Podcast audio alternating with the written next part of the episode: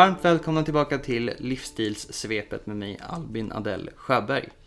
Jag vill börja med att tacka för den fantastiska responsen från första avsnittet av podden. Och jag kan lova er att denna veckas avsnitt kommer bli lika spännande. Denna vecka har jag med mig ingen mindre än bloggerskan Cornelia Toneri. Toneri. nu sa jag fel ändå, men jag rättade mig själv. Ja, Så att, eh, lite pluspoäng kanske. Ja. Välkommen hit. tack så jättemycket. Du ska ju prata om hälsoångest. Ja, Det är ett väldigt eh, spännande ämne tycker jag. Jag gjorde lite research och sådär för att jag hade inte riktigt eh, kommit i kontakt med det tidigare. Eh, och jag vet ju att jag kom i kontakt när vi lärde känna varandra. Och eh, sen har jag liksom kollat upp det lite så här. Det är väldigt spännande att se vad, vad du har att berätta. Ja. Så snälla berätta din historia. Ja. Eh, ja men precis, det är ju intressant att veta egentligen vad man får reda på när man gör lite research. För jag kommer ju att berätta utifrån det jag har upplevt. För det är ju utifrån det perspektivet jag har det. Eh, till att börja med så kan man väl börja med att säga att hälsoångest är ett ganska nytt ord, så som jag har förstått det. Att man, eh, det är ju tidigare man kallat det hypokondri till exempel. Eh, för ännu längre sen så tror jag man kallade det lite inbildningssjuka. Det är väl ännu längre sen tillbaka då. Ehm, och, och det är väl den första frågan jag får eh, av många. Är, är hypokondri och hälsoångest samma sak? Eh, och det kan jag väl eh, återkomma till vad jag tänker om. Ja. Ehm, eh, inte ur ett akademiskt vetenskapligt Nej. perspektiv utan vad jag tycker själv. Eh, Men hälsoångest är ett ämne som ligger mig varmt om hjärtat. Eh, eh, 2008 i april så eh, en helt vanlig eh, en helt vanlig dag. Jag hade eh, inte tidigare varit speciellt rädd för sjukdomar, eller inte rädd alls för sjukdomar. Eh, 2008 hade jag, ja det var ju nio år, så jag hade ju börjat ta tag i vikt och kost och gått ner ganska mycket i vikt och jag hade börjat träna och sådär mycket. Och sen så dök det upp lite röda utslag i, i eh, armveck och i knäveck och vid, runt, eh, ja här nere vid fötterna då. Fotknölarna. Och jag tänkte inte mer på det, mer än att de var där. De kliade inte och var inte alls farliga.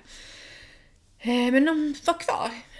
Så när det hade gått några veckor så tänkte jag, men jag får väl ändå söka, kanske jag kan få någon salva eller någonting för det där bokade, eller jag tror till och med jag gick på drop-in mottagning. Jag bodde i Malmö då. Eh, träffade en distriktssköterska som tittade på dem. Och såg fundersam ut och jag berättade här att jag hade gått ner i vikt och att jag liksom härrörde det till att det kanske var så att jag, ja, någonting kring det. Men hon funderade, hon såg lite skum ut och så sa hon att hon ville att en läkare skulle titta på det. Så vi traskade trappan ner till, eh, fick träffa en läkare direkt som hade tid. Gick in i ett undersökningsrum, han kommer in och jag är sådär att det spelar ingen roll om det är doktor eller om det är du. Så är jag hallå liksom och lite så här, ja men skojar och skrattar och pratar och sådär. Så jag eh, prackade väl på honom min lilla diagnos och han sa det att men du, du kan lugna jag har studiemed, studielån för det här så att jag ska sätta din diagnos och så skojade vi lite.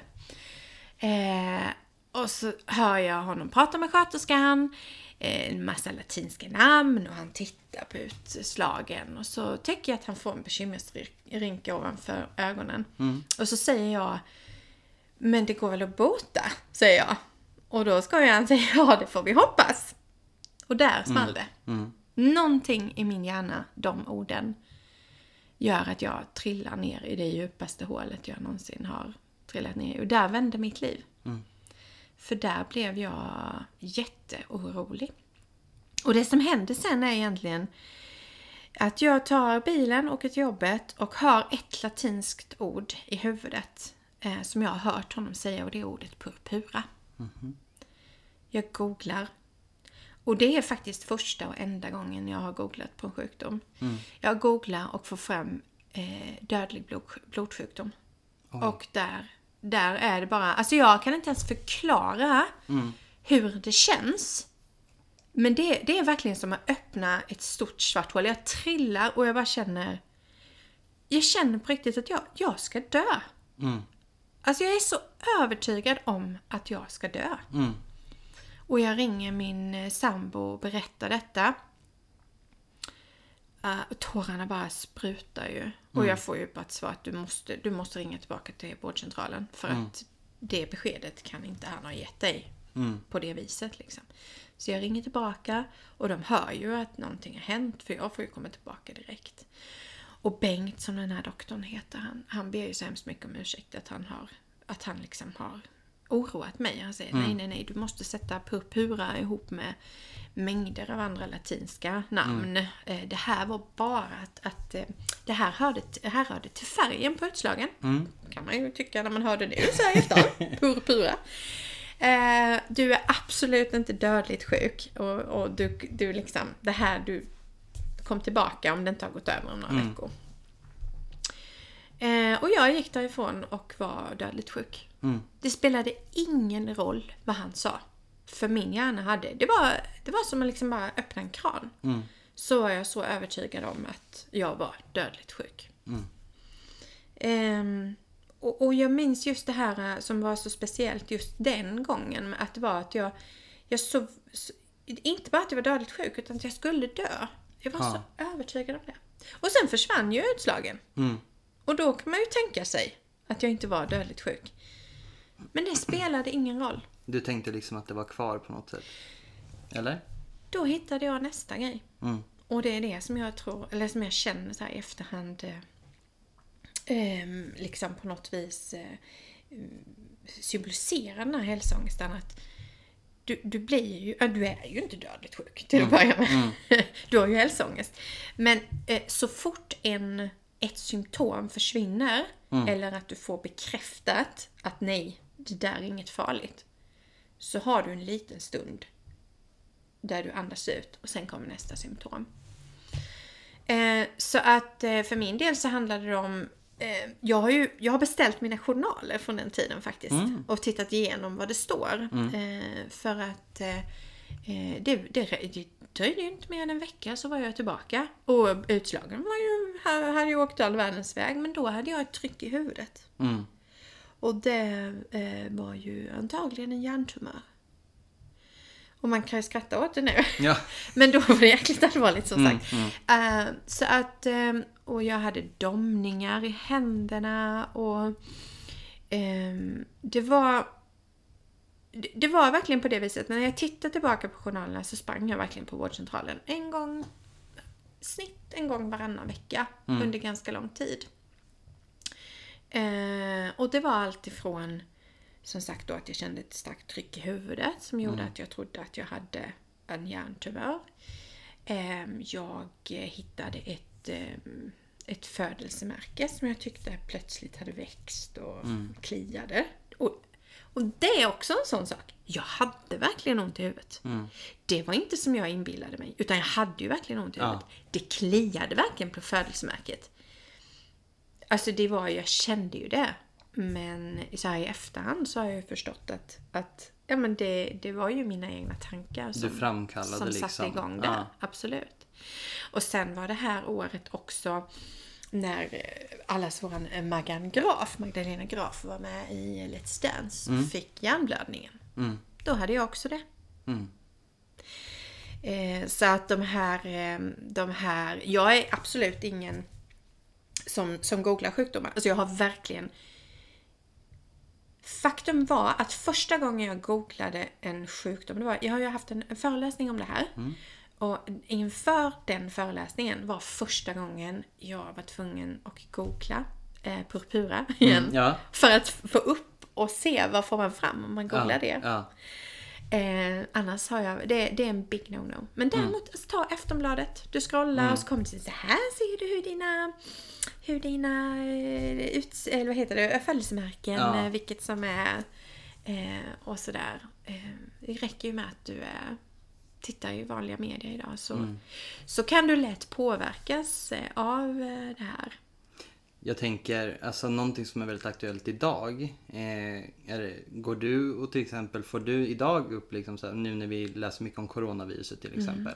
Kan du inbilla dig nu att jag har det? Eller blir du mer kär att det övergår till ett tänk om jag får det? Ehm, idag så är jag frisk. Mm. Eh, och då får jag inte det. Nej. Och jag tror faktiskt inte att jag skulle kunna få det ändå. För alla de här åren sedan 2008 ehm, jag blev ju frisk är svårt att säga för man blir aldrig frisk från den här sjukdomen. Eh, när du känner dig som friskast, det är då den hugger tag igen. Men just coronavirus, och det här är också lite roligt, coronaviruset. Jag var ju i Thailand för några veckor sedan, var inte ett dugg orolig. Eh, för några år sedan blev jag inlagd på sjukhus och hade tarmfickor som var perforerade när alltså, magsaft har läckt ut i Ja, magen. ja. Det var ganska allvarligt. Jag var inte ett dugg orolig. Nej. Det är inte det det handlar om. Nej. Utan det är, det är rädslan för att vara dödligt sjuk. Och är jag sjuk, då, då är det ju en sjukdom. Ja. Det är jättekonstigt. För det var, då fick jag också frågan någon gång så här, men du, hur skulle det bli om du fick jätte, var jättedålig? Jag bara, jag har varit jättedålig. Det enda jag var glad för var att det inte var cancer. Ja. så, så det är ganska märkligt egentligen. Är det faktiskt. Och, och, och som sagt, det här det rullar liksom bara på. Du, du hittar ju symptom. Jag slog in eh, Ja, när jag hade varit på, sjukvården eh, x antal gånger och de hade sagt att jag är frisk. Alltså jag har gjort allt. Jag har haft 24 timmars EKG som har mätt min hjärtrytm. Eh, jag har varit på eh, lite olika, alltså koller på olika Det enda jag inte gjorde, det var när jag, när jag var så säker på att jag skulle, hade ett hjärntumör. Ja. Så sa de det att vi du har inga som helst symptom för, på det. Men vi kan göra en röntgen på dig. Men det du ska veta då, det är att då riskerar du, då ökar risken ganska mycket för att du faktiskt får någonting. För att är ju, man ska ju inte göra en, en röntgen i Och då onödan. tänker du magnetkamera? Ja, Mm. så då, då, då, då, då avstod jag det. Faktiskt. Du gjorde det? Ja, ja, ja, det gjorde jag inte. För det Tog kände jag ju. rädslan över då att, det skulle, att du skulle drabbas Att jag av det? verkligen skulle Ja. bli det då. Att, Ja. att utsätta mig för det. Så det är också någonting som ligger, för det läste jag lite om att man blir rädd för att sö- göra en undersökning för att man riskerar någonting annat. Eh, för, ja. Mm. Ja, framförallt för att det var så tydligt att han sa det att gör du den undersökningen så utsätter du faktiskt kroppen för strålning som, som kan göra att det är större risk att du får någonting. Och det vill jag ju inte göra. Så det avstod jag. Men annars har jag ju gjort, jag gjorde ju liksom sprang där en gång i veckan eller en gång varannan vecka. Och, eh, alla de här olika, olika symptomen. Mm. Och det var först ehm, efter... Ja, jag fick prata... Jag fick, till slut så ser jag faktiskt i mina journaler att man börjar, man börjar förstå liksom att det här är ju... De talade ju bara om för mig att jag... Nej, men det var ju inget fel på mig. Och tillbaka kom jag med nästa symptom. Eh, Så någonstans där kan jag ju läsa mellan raderna först och sen ganska tydligt att det här är ju någonting som är eh, psykiskt relaterat. Så jag fick prata med kurator. Eh, Jag fick gå och göra så här akupunktur. Lite hokus pokus. Eh, Men det skulle hjälpa. Ehm, Och jag gick och pratade med henne. Hon hade inte riktigt... eh, Det var mycket så, alltså det här, hur har du det hemma och jobb? Det var mycket att man trodde att jag jobbade för mycket. Och ja, jag jobbade ganska mycket men ehm, jag vet inte riktigt om det var där skon klämde. Ehm, och sen var det faktiskt, ja, det var, det var nio, alltså det här var nio månader senare när det faktiskt vänder för första gången. Mm. Och det här är en sån sak som, passa upp, jag kan börja gråta Ja. nu för att eh, det är så känslosamt. Nio, ganska på dagen, nio månader efter det, i- januari, eh, så, så har jag återigen så fruktansvärt ont i huvudet. Eh, hade jag inte varit hos doktorn på ganska länge men oron, alltså den här hade varit helt förlamande. förlamande. Jag hade... Du vet, jag hade slutat leva. Mm. Ingenting var... Jag gick till jobbet, jag var på middagar, men varenda gång, det är viktigt att säga, man lever, ofta syns det inte, det märks inte. Mm. För det är en så sjukt ensam sjukdom. Jag i alla fall skämdes otroligt mycket för det här. Och det tror jag har någonstans att göra med att jag visste ju att det var galet. Jag visste ju att det inte var sant. Jag skämdes för att berätta. Jag berättade bara för några få, mina absolut närmaste, att jag mådde så här. Och det äter upp en in- inifrån. För runt om så funkar du precis som du ska. Mm. Men varenda gång så tänker du, mm, det är nog inte sista gången jag gör det här. Eh, sista gången jag åker hit. Sista Mm. gången jag kollar på detta. Sista gången jag gör det här. Allt var, allt var så. Mm. Eh, Fick du tiden. in något så här, alltså under den tiden när man kände liksom att ja, men det är nog sista gången, alltså sådär. Mm. Fick du liksom dödsångest i, som form av det? För det läste jag också lite om att eh, har man hälsoångest så har man också dödsångest. Eh, till viss del, inte Mm. alla men eh, kände du av något sånt också då liksom? Ja, det var nog faktiskt en stor del i min, eh, i min hälsoångest. Mm. Och någonting som jag tror, eh, utan att gå händelserna i förväg, men jag tänker just det här när man frågar är hypokondri och hälsoångest samma sak? Mm. Och återigen, jag är ingen läkare, det här är inte vetenskapligt. Nej. Men när jag tänker på hypokondri, då är man rädd för att bli smittad. Jag, blir, jag, umgår, jag, tar, jag dricker inte ur samma glas om du är Nej. förkyld. Eller jag eh, liksom, eh, ja, man, man går inte, man, man tvättar alltid händerna när man har tagit in kundvagn. Eh, för att man är rädd för att bli, bli smittad. Mm. Min hälsoångest var, jag var inte rädd för att bli smittad av en förkylning. Nej. Jag var rädd för sjukdomar som inte kan smitta och jag var rädd för att dö av dem. Mm. Jag var inte rädd för att få en kronisk sjukdom jag skulle leva med resten av livet. Mm. Jag var rädd för att få en sjukdom som jag skulle dö av. Mm. Och det var döden. Egentligen inte rädd för att dö, utan att få sjukdomen som jag skulle dö. Ja. Uteslutande. Mm. Sen var jag ju rädd för sjukdomar som man i många gånger kan bota idag. Mm. Många typer av cancerformer till exempel var Ja. jag jätterädd för. Men i min värld fanns det ju inte ens att de skulle botas på mig. Nej. Utan det var, det var, det var ångest för att jag skulle få det här dödsbeskedet. Det är lätt att säga nu. Mm. Men jag tror att jag var rädd för den tiden mellan beskedet och döden. Jag tror inte jag skulle vara rädd för döden. Mm. Nej. Och jag tror inte jag var det då heller. Utan jag var rädd för att leva med vetskapen att jag skulle dö. Mm. Just det. Det var min hälsoångest. Ja. Alla kategorier liksom. Mm. Nej, för just det här med att du tar upp det här med hypokondri och eh, hälsoångest. Det finns ju så otroligt många olika, inte diagnoser, alla inte fasta diagnoser, men teser och teorier om eh, olika tillstånd. Och eh, jag vet bara så sent som i, igår så var jag i en affär, och, eller på Hemköp och skulle handla. Och eh, då är det en kvinna som står i en kassa och jag stod i andra kön liksom. Och då började, då hostade kassörskan till lite grann.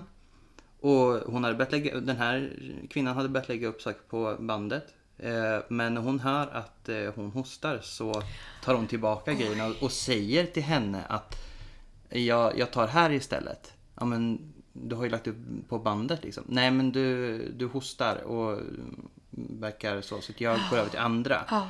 Eh, och då började jag tänka liksom så här. Först tänkte man så här, men gud vad gör hon? Men sen när man Mm. förstod att det ligger någonting i det så här, bara, ja. men jag säger, och då sa hon liksom, jag säger inte att du är sjuk, men jag vill inte utsätta mig. Nej. Okej, liksom. Så Ja. hon har ju någon typ av kanske hypokondri eller bak bakterieskräck, alltså ja precis, alltså, exakt. Ja. Det finns ju så många olika fobier och allting. Verkligen, och, Och, det är ju eh, ingen grad av vad som nej. är viktigast eller så. Nej, men det som jag störde mig på, Ja. det var att kassörskan säger till den som är i andra kassan att ja, nu får du inte hosta. Och man, man ser på henne och hör på henne att hon blir så här. ja. Alltså, så, och då tyckte jag så synd om henne. För det är Ja. förmodligen, det är inte hon. Alltså, Nej. De vet inte hennes historia. Eller vad hon har. Starkt av henne att verkligen bestämma sig för att flytta, Ja. byta kassa. Ja men alltså det var liksom istället. så här, en stor kartong med massa kattmat och grejer som hon liksom tog tillbaka för att hon ville byta för hon Mm. ville inte gå fram. Och då blir det ju nästan att hon framhäver den här personen som ett problem. Liksom. Ja. Inte? Å andra sidan så är det ju, Mm, jag menar hon hamnar ju sist i kön igen. Ja, ja. Alltså så, det, Ja. drabbar ju bara henne. Ja. Eh, men det verkade inte riktigt som att den här lite äldre kassörskan förstod Mm. henne. Nej, och, och ska, vi, ska vi, om vi ska tänka, alltså det är ju förutom att det var en väldigt ensam sjukdom och en skam, alltså verkligen jag skämdes, så är det ju också på det viset att Ja, inbildningssjuka tror inte jag är ett så dumt ord, men inte för själva sjukdomen utan för hur andra ser på det. För det är ju så. Många tycker ju att det är att man inbillar sig. Ja.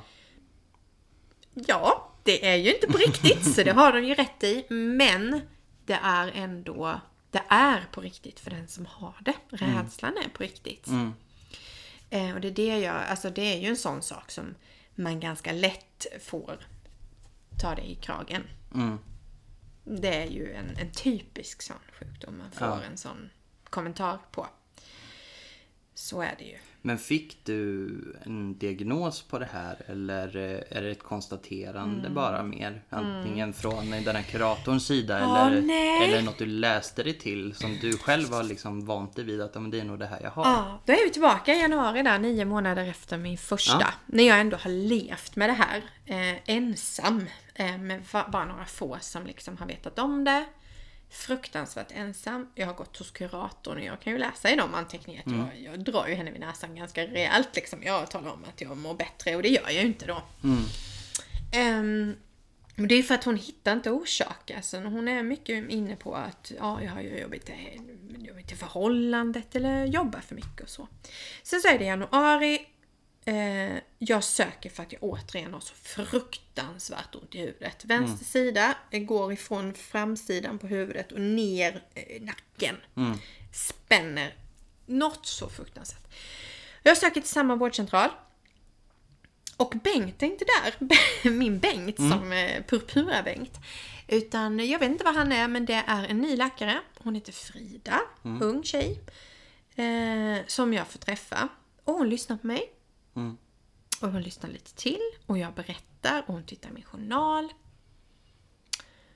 Och så tar hon fram en bok och säger Du, jag tror inte att det här är exakt det du har.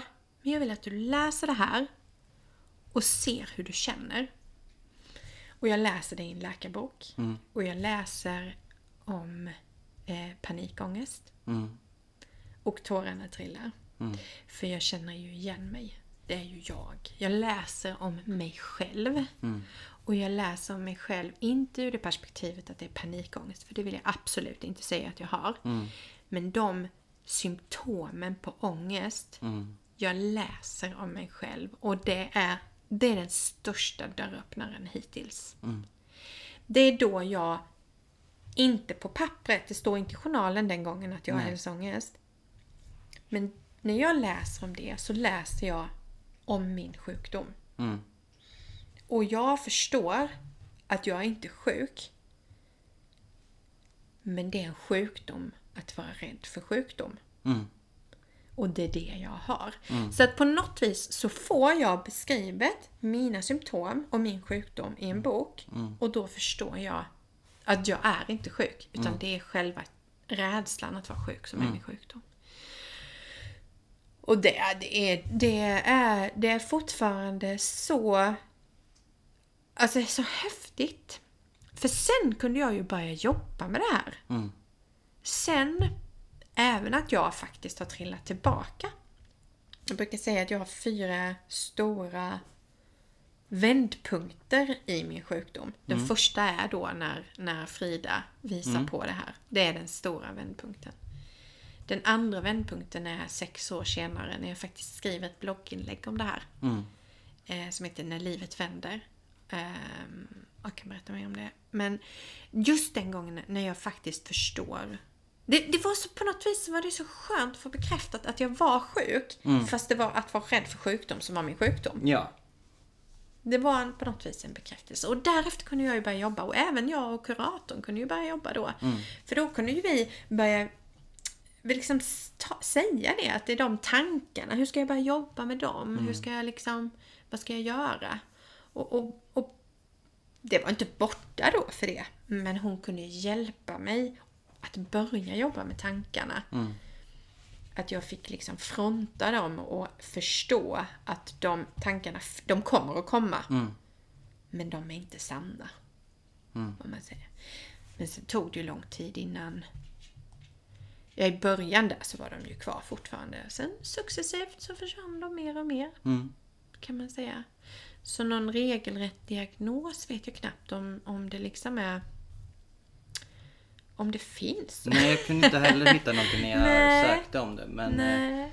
men det var ändå liksom, när, alltså var det i samband med att ni började prata om ångest som du förstod att som du tyckte att om det är hälsoångest eller hur, hur kom du in på den termen liksom?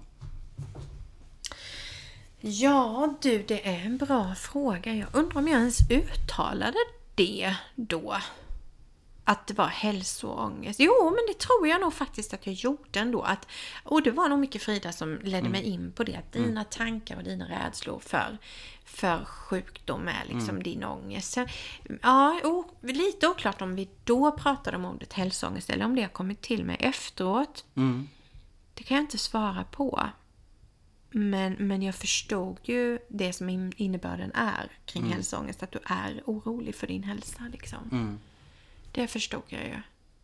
Och hur eh, påverkades liksom din omgivning av det här? Alltså jag tänker, ja, men dina närmaste, din sambo och lite sådär. Hur, hur påverkades de? Ja, som sagt, det var ju när jag var, när jag var som sämst så var det ju en väldigt ensam sjukdom. Då var det ju min bästa vän och min sambo som visste om det egentligen. Mm. Eh, och eh, så, så vårt liv... Men det var det som var så sjukt, för vårt liv påverkades inte speciellt mycket. Vi gjorde alla de här sakerna. Vi umgicks med vänner, vi var ute och käkade, vi var på middagar, vi var iväg. Men jag var... Jag till exempel, vi, var, vi körde bil hela vägen ner till Österrike och kollade på fotbolls-EM där en Ja. match till och med. Men det som, hur det påverkades var ju att jag var alltid, jag kände mig alltid väldigt svag. Eh, vi var tre som var med på resan ner. Jag, min sambo och min svärmor. Och de fick ju stå för körningen. För jag, jag kände mig så fysiskt svag. Och det var innan jag hade fått liksom, diagnosen inom situationstecken. Jag kände mig så fysiskt svag. Jag hade synrubbningar. Jag, det, jag var snurrig. Alltså så. Så det var nog att jag var ganska svag. Svag, fysiskt svag var jag. Men jag hängde ändå på. Och eftersom jag skämdes så mycket så var det verkligen bara för min sambo och min bästa vän som jag visade det. Mm. Och för de andra så visade jag ingenting. Och Nej. det, det var ju också en press såklart. Mm. Det var en, en jättepress var det ju. Och din sambo, eh, sambos reaktion på det här, hur? Ja, ehm, det är svårt att prata om i efterhand. Ja. Och det är svårt att vara ehm, ehm, närstående, är det. Mm. Eh, jag kan fullt förstå att min sambo då var, bara ville att jag skulle bli frisk. Ja. Och så var det. Mm. Eh, hjälpa mig att förstå att du inbillar dig. När jag kommer till ordet inbilla. Mm. Eh, för det är svårt. Dels kan man ju vara rädd för att det faktiskt stämmer. Ja. Eh, plus att man då känner någonstans att man vill ruska tag i personen och säga du är inte sjuk. Mm. Så. Eh, och det är inte lätt. Det är en av de där sakerna att, att vara anhörig som jag också gärna vill, vill lyfta. Liksom. Mm. Eh, två olika kategorier. Dels att har du hälsoångest, du är inte ensam. Mm. Är du anhörig till någon som har hälsoångest, tänk på de här bitarna. Det finns lite olika saker att tänka på där. Men för det är också någonting jag tänker om. Nu var det inte så många som visste om det så. Eh, men eh, det jag har sett är liksom att, men jag känner en som har. Mm. Eh, som nu när vi pratar och nu när jag läser om det här så kan jag nästan, skulle jag bara vilja ringa upp och säga att du har hälsoångest. Ja, ja. Eh, inte hypokondri, du är inte dum i huvudet, du har Nej. hälsoångest. Ja. Eh, men som möts av, eh, ja men när hon hör av sig och säger, eh, ja men nu, jag har säkert cancer eller Mm. ja, nu, har jag, nu har jag ont i halsen, nu har jag det här eller ja, nu, nu har jag det här eller nu har jag det här. Mm. Eh, och vara en läkare som förstår att det är så, som på ett bra sätt ändå kan säga att "Nej, men du har inte det här. Mm. Men där närstående då, eller personer i, i närheten liksom blir såhär, men sluta nu. Mm. Det räcker nu. Du är inte sjuk. Sluta tjata om det här Mm. nu. Lägg av. Liksom. Och vet du vad man tänker som hälsoångest, Mm. ång- hälsoångestare? eh, när man har hälsoångest. Det är bland det värsta. För man tänker så här. Mm, det kommer du ångra. Att du sa Ja. det när du står på min begravning. Jag vet inte hur många gånger jag tänkt det. Nej. Det jag har ju- kommer du att ångra. Och just i det här läget så har jag ju blivit mer så här. Nej men. Eh, jag blir ju oftast den som hon hör av sig till istället då. För att jag säger inte de här sakerna. Mm. Nej. Förutom när hon själv kanske skämtar om det. För att hon, hon är väl medveten om det. Men mm, det kommer ju ändå liksom. Och då, det är ju någonting som man som närstående borde kanske tänka på. Ja, ja absolut. Det är ju, det, det är ju faktiskt det sämsta. Eh, och det näst sämsta är ju att, eh, att liksom... Det är lik, nej inte riktigt lika dåligt. Det är inte bra att säga så. Skärp dig och sådär. För det är verkligen, det, det lägger bara, mm, okej, det- du kommer att ångra det här. Och nästa sak är då att faktiskt lyssna för mycket. Ja, mm, ja. Då, det kan ju också liksom elda på. Så att det gäller ju där att vara lyssna, lyssna lagom mycket.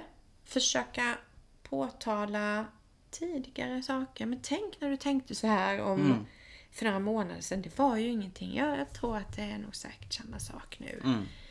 Eh, på ett bra sätt, på ett fint sätt. Men det är absolut inte lätt. Nej. Det Jag, jag testade faktiskt eh, när det var någonting om... Det var nog blodförgiftning tror jag Mm, det rörde sig om då.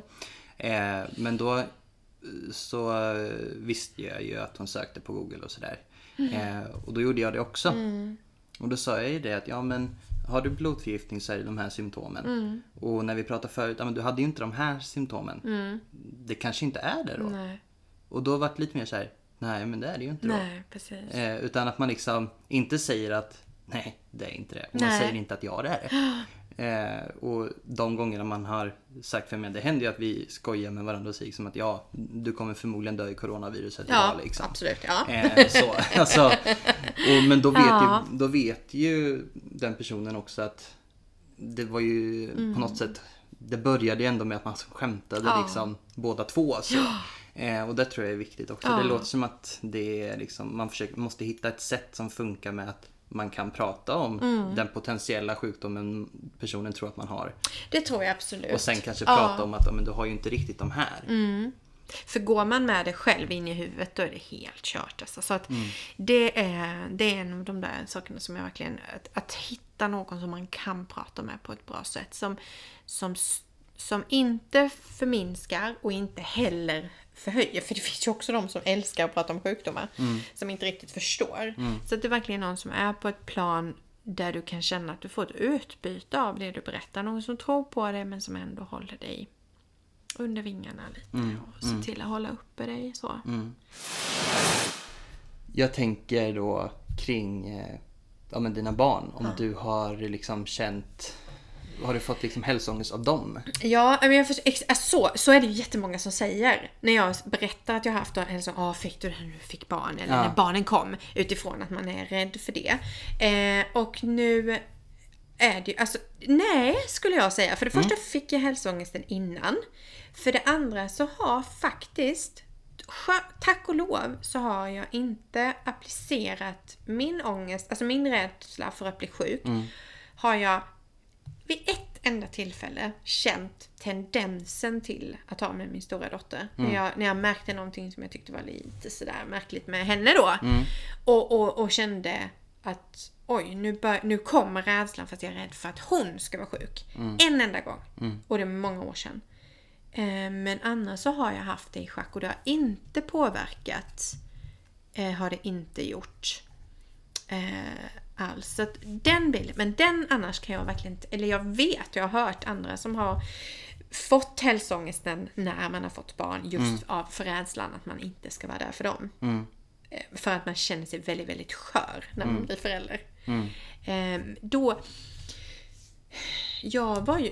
Nu ska vi se. Det, alltså, jag, det hade ju gått två och ett halvt år från när jag trillade dit. Den där purpura dagen. Ja. När jag får, vi fick vårt första barn. Eh, så att jag var egentligen mitt inne i den värsta... Jag var ju inte frisk då. Nej. Men jag behöll det verkligen för mig själv. Det, det är någonting som har varit för mig. Eh, inte för barnen. Mer än den här enstaka gången. Är det faktiskt. Mm. Och det är ju, för det läste jag ju också om, precis som Mm. du säger, att det är många andra som mm, blir rädda åt sina barns vägnar. Det är inte Ja. så att barnen får hälsoångest utan det är snarare så att det är liksom personen själv som kanske applicerar det själv på barnet. Mm. Att barnet blir rädd för att man själv går och är rädd. Eh, så det är också det tyder också på att du kanske redan hade kommit en bra bit. Ja. För tänk om det hade varit, alltså om du hade fått barn i samband med eh, den här dagen. Ja, ja. Då, då kanske det sett annorlunda ut. Ja, det tror jag. Nej, men jag hade ju kommit en bra bit på väg. Det hade jag absolut gjort. Och det gick ju successivt. Det blev ju bara successivt bättre och bättre och bättre från den där dagen jag träffade Frida. Ehm, ehm, och jag förstod, jag, jag fick lite ehm, verktyg av kuratorn hur ska jag skulle göra liksom när tankarna dök upp.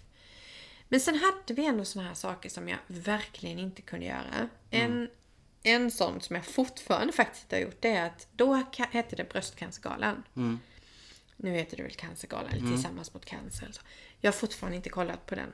Sista gången var 2007 och sen blev jag sjuk 2008. Jag kan inte kolla på den, det går inte. Nej. Och förut var ett sådana program ett, ett program som jag verkligen uppskattade och jag är en känslomänniska av rang som gråter och skrattar lika mycket. Men, men nej, jag, jag kunde inte kolla på det. Och faktum är, den andra vändpunkten egentligen som jag tror jag var inne lite grann på. Det var det här inlägget som jag skrivit på bloggen. För det är alltså 2014. Eh, näst, alltså nästan på dagen. Det är ganska sjukt. Ja. Alltså typ verkligen på dagen. Diffar två dagar efter den här purpura händelsen. Som jag sitter hemma i soffan. Ehm, jag har lagt, då hade vi bara våran, eh, nej vi hade två barn då. Eh, och jag hade lagt barnen och eh, fastnar i soffan och ser eh, eh, programmet När livet vänder på SVT. Som är ju en sån här programserie med, med lite alla Sofias änglar fast Ja. tyngre då eftersom det är public service. Ehm, och bara tänker direkt, nej det här kan jag inte kolla på. Så jag ehm, eh, swishar vidare där. Eh, och eh, ja, kom ganska långt, kom ända tillbaka till Kunskapskanalen. Då hade jag bläddrat långt. Då bläddrar man långt ja. Eh, och där är det en dokumentär om en yngre man som Mm. filmar sin sista tid i livet. Han har ALS. ja. Eh, och han filmar sin sista tid liksom, i livet är en dokumentär. Och vi har då ALS i familjen för eh, en av mina, eh, ja, min sambos eh, närmaste eh, har, har då liksom långt gången ALS. Så det var ganska nära. Och jag fastnar i det här programmet. Jag fastnar så fullständigt. Jag bläddrar inte vidare utan jag tittar. Ja, och sen en annan sak. Och jag tittar färdigt. Och då slår det mig att tidigare på dagen så har jag skrivit ett kort meddelande till en ytligt bekant då, som numera dessutom är min kollega. Eh, hennes barns pappa har hastigt gått bort i cancer. Och hon har varit, jag tror att det hade varit begravning den dagen.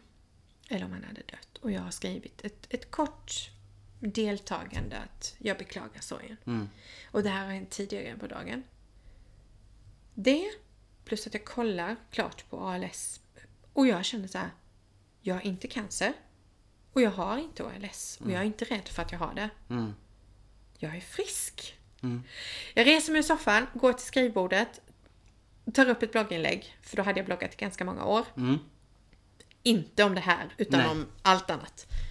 Och skriver så... Alltså fingrarna blöder. Det blir ett långt inlägg som heter När livet vänder. Eh, utifrån programmet. För jag tyckte det var bra. Och där jag berättar om hela, hela vägen. Från att jag trillade till hur det kändes till att jag idag känner mig tillräckligt frisk för att veta att jag kan bli sjuk igen. Men just idag är jag frisk. Och det gensvaret på det inlägget, alltså det var, det här var 2014 så det är ju några år sedan nu. Alltså det var helt sjukt. Det var människor som jag inte kände som hittade det. Det var människor som jag kände, som jag kände väl Ja. väldigt väl. Som bara berättar, jag är där. Ja, det är jag. Och jag hade ingen aning. Nej. Eh, och det som är så sjukt, och jag har träffat en av de här personerna efteråt och vi har pratat om det. Och det som är så sjukt är att hälsoångest, lite utifrån det när jag såg att där är ju min sjukdom. Eh, när jag pratade med den här personen och vi sitter och jämför hur, hur vi har blivit sjuka och hur det har känts. Alltså, det är ungefär som att jämföra halsfluss och halsfluss. Ja, du har vita prickar i halsen. Ja, det är halsfluss. Ja, det har jag också.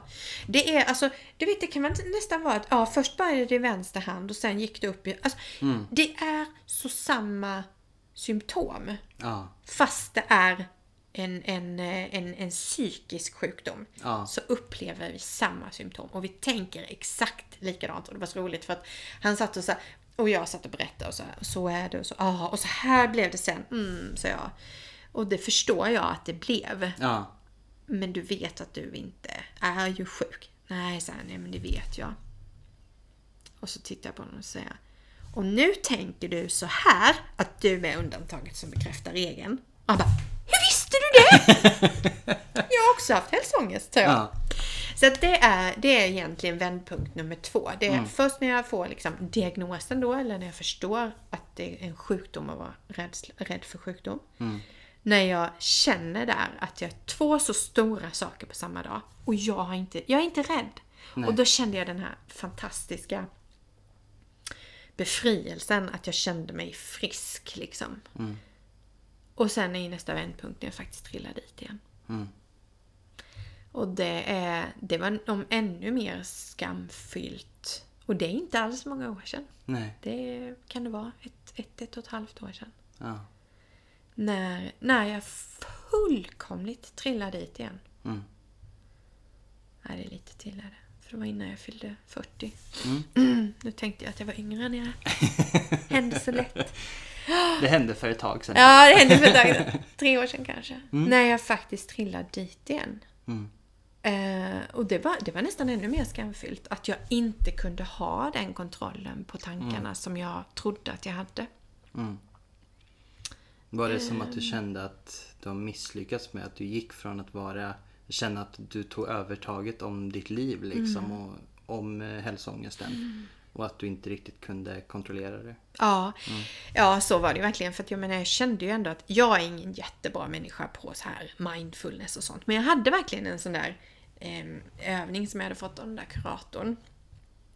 Eh, som jag jobbade med och eh, efter åren gick så gjorde jag liksom lite grann av en quick-variant på den. Så jag behövde inte ens liksom sätta mig ner, Nej. känna fötterna på ett golv och sånt. Utan jag eh, kan man berätta om den sen, men jag, jag la tanken på lövet i bäcken och så sa jag tjingeling och sen så var den borta. Och, och så hade det ju liksom lite grann gått att jag hade blivit bättre på att direkt stoppa tankarna. Mm. Och, eh, och så plötsligt så, kan, så, så, så gör jag inte det en dag. Nej. Utan jag låter tanken ta över. Mm. Och jag, jag, tror, jag, jag vet liksom till och med var jag var när det hände. Jag Mm. går utanför Sankt Lars-kyrkan här i Linköping och jag känner en spänning i bröstet. Mm. Och jag bara, "Mm, det är bröstcancer. Och bara låter det, jag bara låter det flöda. Ja. Jag låter det fullkomligt greppa mig och jag vet inte varför. Nej.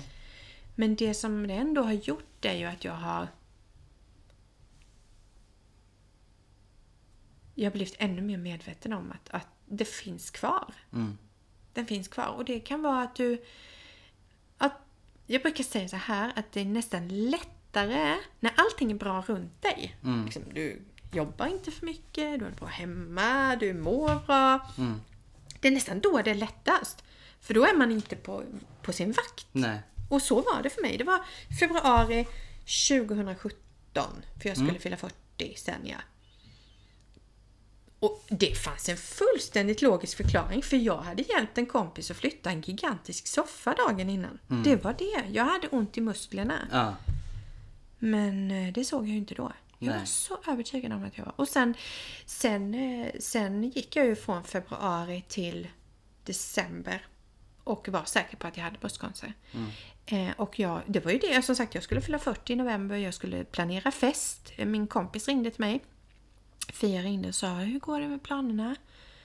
Och det är den kompisen som jag verkligen har berättat för, som även tidigare som min bästa vän. Och jag sa så här, det är, man kan inte planera en 40-årsfest om man inte vet hur man lever då. Och Och så då var förstod hon direkt. Ja, då förstod jag hon. Eh, gjorde hon. Och då... Eh, nej, jag lät, jag lät... Jag lät de månaderna gå bara. Jag... Jag... Eh, Sökte du för det eller ville Ja. du inte söka Jo, för det? jag sökte för det och jag var ju så pass... eh, Det är faktiskt ganska intressant när det gäller hälsoångest och ordet hälsoångest. Jag ringde till min vårdcentral här i Linköping. Och sa att jag, eh, jag behövde prata med en kurator. Eh, Jag berättade att jag tidigare hade varit dålig. Jag sa, jag sa precis som det var. För så här många år sedan så fick jag hälsoångest och jag känner att den är tillbaka. Och jag behöver prata med en kurator. Ursäkta, vad hade du sa du? Fick jag höra i telefon. Ja. Hälsoångest. Helhört. Hälsoångest. Eh, Ja, men... Hypokondri. Ah! Och sen så frågade hon lite och sen ringde det upp en kurator för de trodde jag var, alltså de trodde ju att jag var mycket mer illa däran än jag var liksom. Så att de tog verkligen hand om mig och ringde och frågade om jag var, alltså faktiskt så pass illa som självmordsbenägen. Ja, och jag ja. nej nej gud nej, jag behövde bara prata med någon liksom. Och då fick jag testa eh, KBT på nätet. Mm. Det var ingenting för mig. Nej. Nej, jag behövde prata med någon. Och det fick inte jag då faktiskt. Eh, de hade inte tid för det. Nej. Eh, så jag där i min lilla ensamhet med det här. Mm. Och, och gick och, och liksom lät det... Jag lät det blomma fullt februari till november, december där. Det, var, det var ett år som liksom... Som jag så här i efterhand kan se. Jag ser ju det på bilderna. Ja. Det, det är tomma ögon och jag gjorde saker men det var tomt liksom. Mm. Och sen så har man ju den fördelen att man blir kallad till mammografi när man ska fylla 40. Mm. Och då skulle jag ju få svart på vitt om det var bröstcancer eller inte. Ja. Eh, och det var faktiskt ganska intressant för att då, ja, jag var så dålig, jag hade så ont alltså, jag hade så ont så det kunde inte vara något annat än bröstcancer. Man kan skratta åt det nu och jag tror att humorn har varit ett, ett, en, en, eh, en stark, eh, ett starkt vapen för mig hela Ja. tiden. Det är därför jag skrattar ibland lite. Men, men så var det i alla fall. Jag, var, jag, jag fick den här kallelsen och jag skulle upp dit. Och någonstans där så tror jag att jag återfick någon typ av vett och sans. Så att jag tillät mig själv att nu får du vara sjuk Cornelia. Nu, nu är du sjuk. Nu har du den här bröstcancern. Mm. Fram till du får beskedet i brevlådan. Mm. Och naturligtvis trodde jag ju då i mitt stilla sinne att det skulle vara negativt. Alltså att jag skulle ha det. Mm. Men jag sa också till mig själv, och jag gjorde det på riktigt, att om du är frisk, då ger du fullkomligt F-A-N i att gå och förstöra så många månader. Då lever du. Alltså på riktigt, jag kände det. Mm. Är det här, då har du, för, du har liksom, du har bara låtit februari till november, december bara gå liksom. Mm. Och någonstans så kände jag också att jag, jag lä- tillät mig det här för jag var väldigt övertygad om att det skulle vara bröstcancer. Alltså jag var Ja. fortfarande det. Jag hade så ont. Ehm, och sen så kommer ju den här dagen då när jag kommer hem. Jag kom hem själv den dagen. Jag hade inte sambon med mig. Och brevet ligger i lådan. Mm. Och jag ska öppna det. Aj, aj, nu börjar jag nästan gråta igen. För jag går innanför dörren hemma. Och jag börjar gråta. Ja. Ehm, och, eh, och du vet, jag hinner inte mer än innanför dörren. Jag bara, jag är en sån här ordningsfascist. Ja. Så jag vill egentligen öppna min kniv eller en brevsprätt. Ja. Jag sket i det. Ja. Och jag bara möljer upp kuvertet. Och det står att jag är frisk. Ja. Såklart. Ja. Och det här är så sjukt för att den här spänningen som jag har känt, alltså hela min högersida hade varit helt, alltså när det varit så ond i flera månader. Det bara släpper. Ja. Och det är ju spänningarna i mig som släpper. Mm. Och, eh, och det är också en stark... eh, Det är nästan om ännu, ännu starkare, de fyra vändpunkterna liksom. Mm. Vändpunkt när, när jag trillar dit igen, mycket, mycket tung. Ja. Men också vändpunkten när jag faktiskt tar mig ur det igen. Mm. Och det blev en vändpunkt för dig när du fick det här brevet. Ja. Eh, var det den vändpunkten som du fortfarande lever i eller lever på om man säger? ja, Ja. faktiskt. Ja. Och det är ju, ja det är inte mer än två år sedan. Nej. Lite drygt. Ja. Eh, den lever jag på definitivt idag. Mm. Och just det här att jag faktiskt var så pass medveten, trots att jag inte fick hjälpen, så var jag gav mig själv den här möjligheten att nu får du lov att vara sjuk till du får svart på vitt. Att du inte är det. Mm. Men då, då, då är du...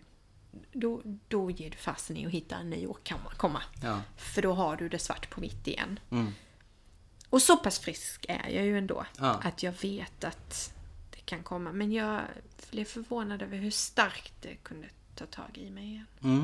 Det är väldigt imponerande om man ser på din resa Mm. att det där var ingenting du skulle kunna ha sagt vid vändning två. Eller efter att du har kommit ner igen. Nej. Utan det märks ju då på dig att all den här tiden med kuratorn eller dina egna, alltså ditt sätt att jobba med dig själv, alltså allt sånt lönade sig Mm. verkligen. Ja, det gjorde det. Absolut. Och sen då som sagt, då kände jag ju det först som en, ett nederlag att jag inte kunde vara där direkt. Ja. Men jag lät, det, jag lät det få gå ett tag och sen kunde jag komma dit igen. Mm. Dit där jag hade kämpat liksom, mig till. Fantastiskt. Ja. Har du några tips eh, på ja, men, lite vad man kan göra eller tänka eller alltså, så här, för personer som kanske lyssnar på det här och inser att de har hälsoångest eller faktiskt redan har bemött det eller sett det uttrycket innan? Mm. Jag, jag har väl, det finns ju många tips höll jag på att säga, men, men och jag har nog nämnt några av dem, eller kanske alla under det här samtalet. Men Mm. ehm, för det första, ja du är sjuk, men det är en sjukdom att vara rädd för sjukdom. Och det är den sjukdomen du har. Du är inte sjuk. Alltså du är inte sjuk i de sjukdomarna du är Nej. rädd för. Men det är en sjukdom. Och den sitter i hjärnan, inte, eh, och inte i form av en tumör. Nej. Utan i form av tankar. Ja. Det, det och, och jag hoppas att det kan hjälpa mig, andra lika mycket som det hjälpte mig. Det är en sjukdom att vara rädd för sjukdom. Sen har jag ju min lilla, min lilla övning som jag fick av kuratorn en gång i tiden då. Eh, och den kan man nog... Eh, när tanken kommer. Mm. Man ska bekräfta tanken när den kommer. Och det där blev jag väldigt provocerad av när de först sa det till mig. Herregud, det är ju det jag gör. Jag bekräftar ju tanken hela tiden. Det är ju det som är problemet. Men man ska inte bekräfta dem som att de är sanna, utan man ska bekräfta att jaha, jag ser dig, nu kommer du och det stämmer inte. Och min lilla övning var, som jag sen gjorde en quick fix på då, det är Tänk dig att du sitter i en porlande bäck på en sten. Du tar upp ett löv. Du lägger tanken på lövet. Lägger lövet i bäcken och ser hur den flyter iväg. Och tanken med den. Den hjälpte mig och jag är ingen mindfulness-människa. Absolut Nej. inte. Men det var tillräckligt konkret. Jag fick lägga, ta- lägga tanken på lövet och den fick åka iväg. Mm. Och sen ett tredje tips och det är om du som jag var i det läget att du går mycket hos doktorn och, och, och så vidare så var det faktiskt så här att jag kände i alla fall att det fanns en liten millisekund när jag var stark och det var precis när jag hade varit hos doktorn och fått reda på provsvaret. Eller precis när jag hade fått bekräftat att nej, den där huvudvärken är inte en hjärntumör. Det fanns, det kunde variera. Det kunde vara fem minuter, det kunde vara en dag. Men det fanns faktiskt en liten, liten stund när jag var frisk. Ta tillvara på den stunden, hur kort eller lång den än är. För då har du chansen Mm. att veta och förstå och greppa att det är tankar, inte en riktig sjukdom. Då är du tillräckligt frisk en liten stund innan du har hittat din nästa symptom och faktiskt jobba och förstå. Så ta tillvara på den lilla stunden.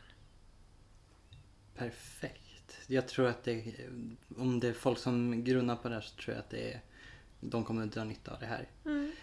Och innan vi avslutar så tänker jag att eh, nu har vi fått höra din historia, vilket vi tackar för. Men vi vill ju också veta vad du gör idag. Och idag är du bloggerska och eh, har även ett Instagramkonto Ja, som heter Lite mer rosa. lite mera rosa ja. Precis. Och det handlar om att prioritera glädjen i livet. Ja. Hur, eh, hur uppkom den idén? Oj, ja det var faktiskt så här att jag, eh, jag sökte ett jobb. eh, en tjänst på, mitt, på det jobbet jag jobbade på då. En, en chefs, ett chefsjobb. Och jag sökte det för att det var många som tyckte att "T- ska inte du söka det? Kanske inte egentligen för att jag själv ville det. Nej. Men jag sökte det och jag fick eh, som konstruktiv feedback. Jag är ju en glad människa. Och jag fick som konstruktiv feedback från den rekryterande chefen att jag inte hade fått tjänsten, vilket jag är mycket glad för idag. Och så säger personen i fråga att jag skulle vilja skicka med dig att du är ju alltid glad Cornelia. Och du eh, ska tänka på det att ibland kan det vara bra att begränsa sin glädje och välja när man är glad. Och det var kanske det dummaste jag hört. Och först så, eh, ja, så gjorde det mig lite ledsen. Men ganska så snabbt så kände jag att nej, det kan väl aldrig vara bra att begränsa sin glädje. Och alldeles strax efter det här så skulle jag köpa en ny telefon.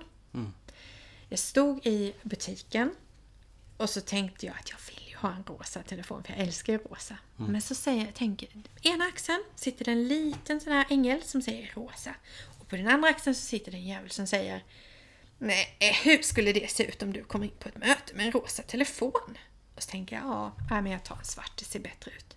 Och så bara kände jag så här, nej! Jag ska inte begränsa min glädje. Och så köpte jag den rosa telefonen. Och på den vägen är det lite mera rosa. Så att, att prioritera sin glädje, det är aldrig fel att vara glad. Att, att prioritera sin glädje och det, det som för dig är glädje. För mig är det är färgen rosa eh, något som eh, liksom symboliserar det. Mm. Och eh, en annan kan ha en annan färg. Men grunden är densamma. Prioritera glädjen och välja sina tankar. Och det som är glad, lite glatt. Jättekul att du ville komma hit. Tack. Eh, och för er som vill fortsätta följa Cornelias resa så kan ni gå in på litemerarosa.se Ja, både SEO och kom funkar. kom, ja. ja. då. och eh, även lite mera rosa på Instagram. Instagram. Jajamän. Ja. Tusen tack för att ni har lyssnat även denna vecka och eh, vi syns igen nästa vecka.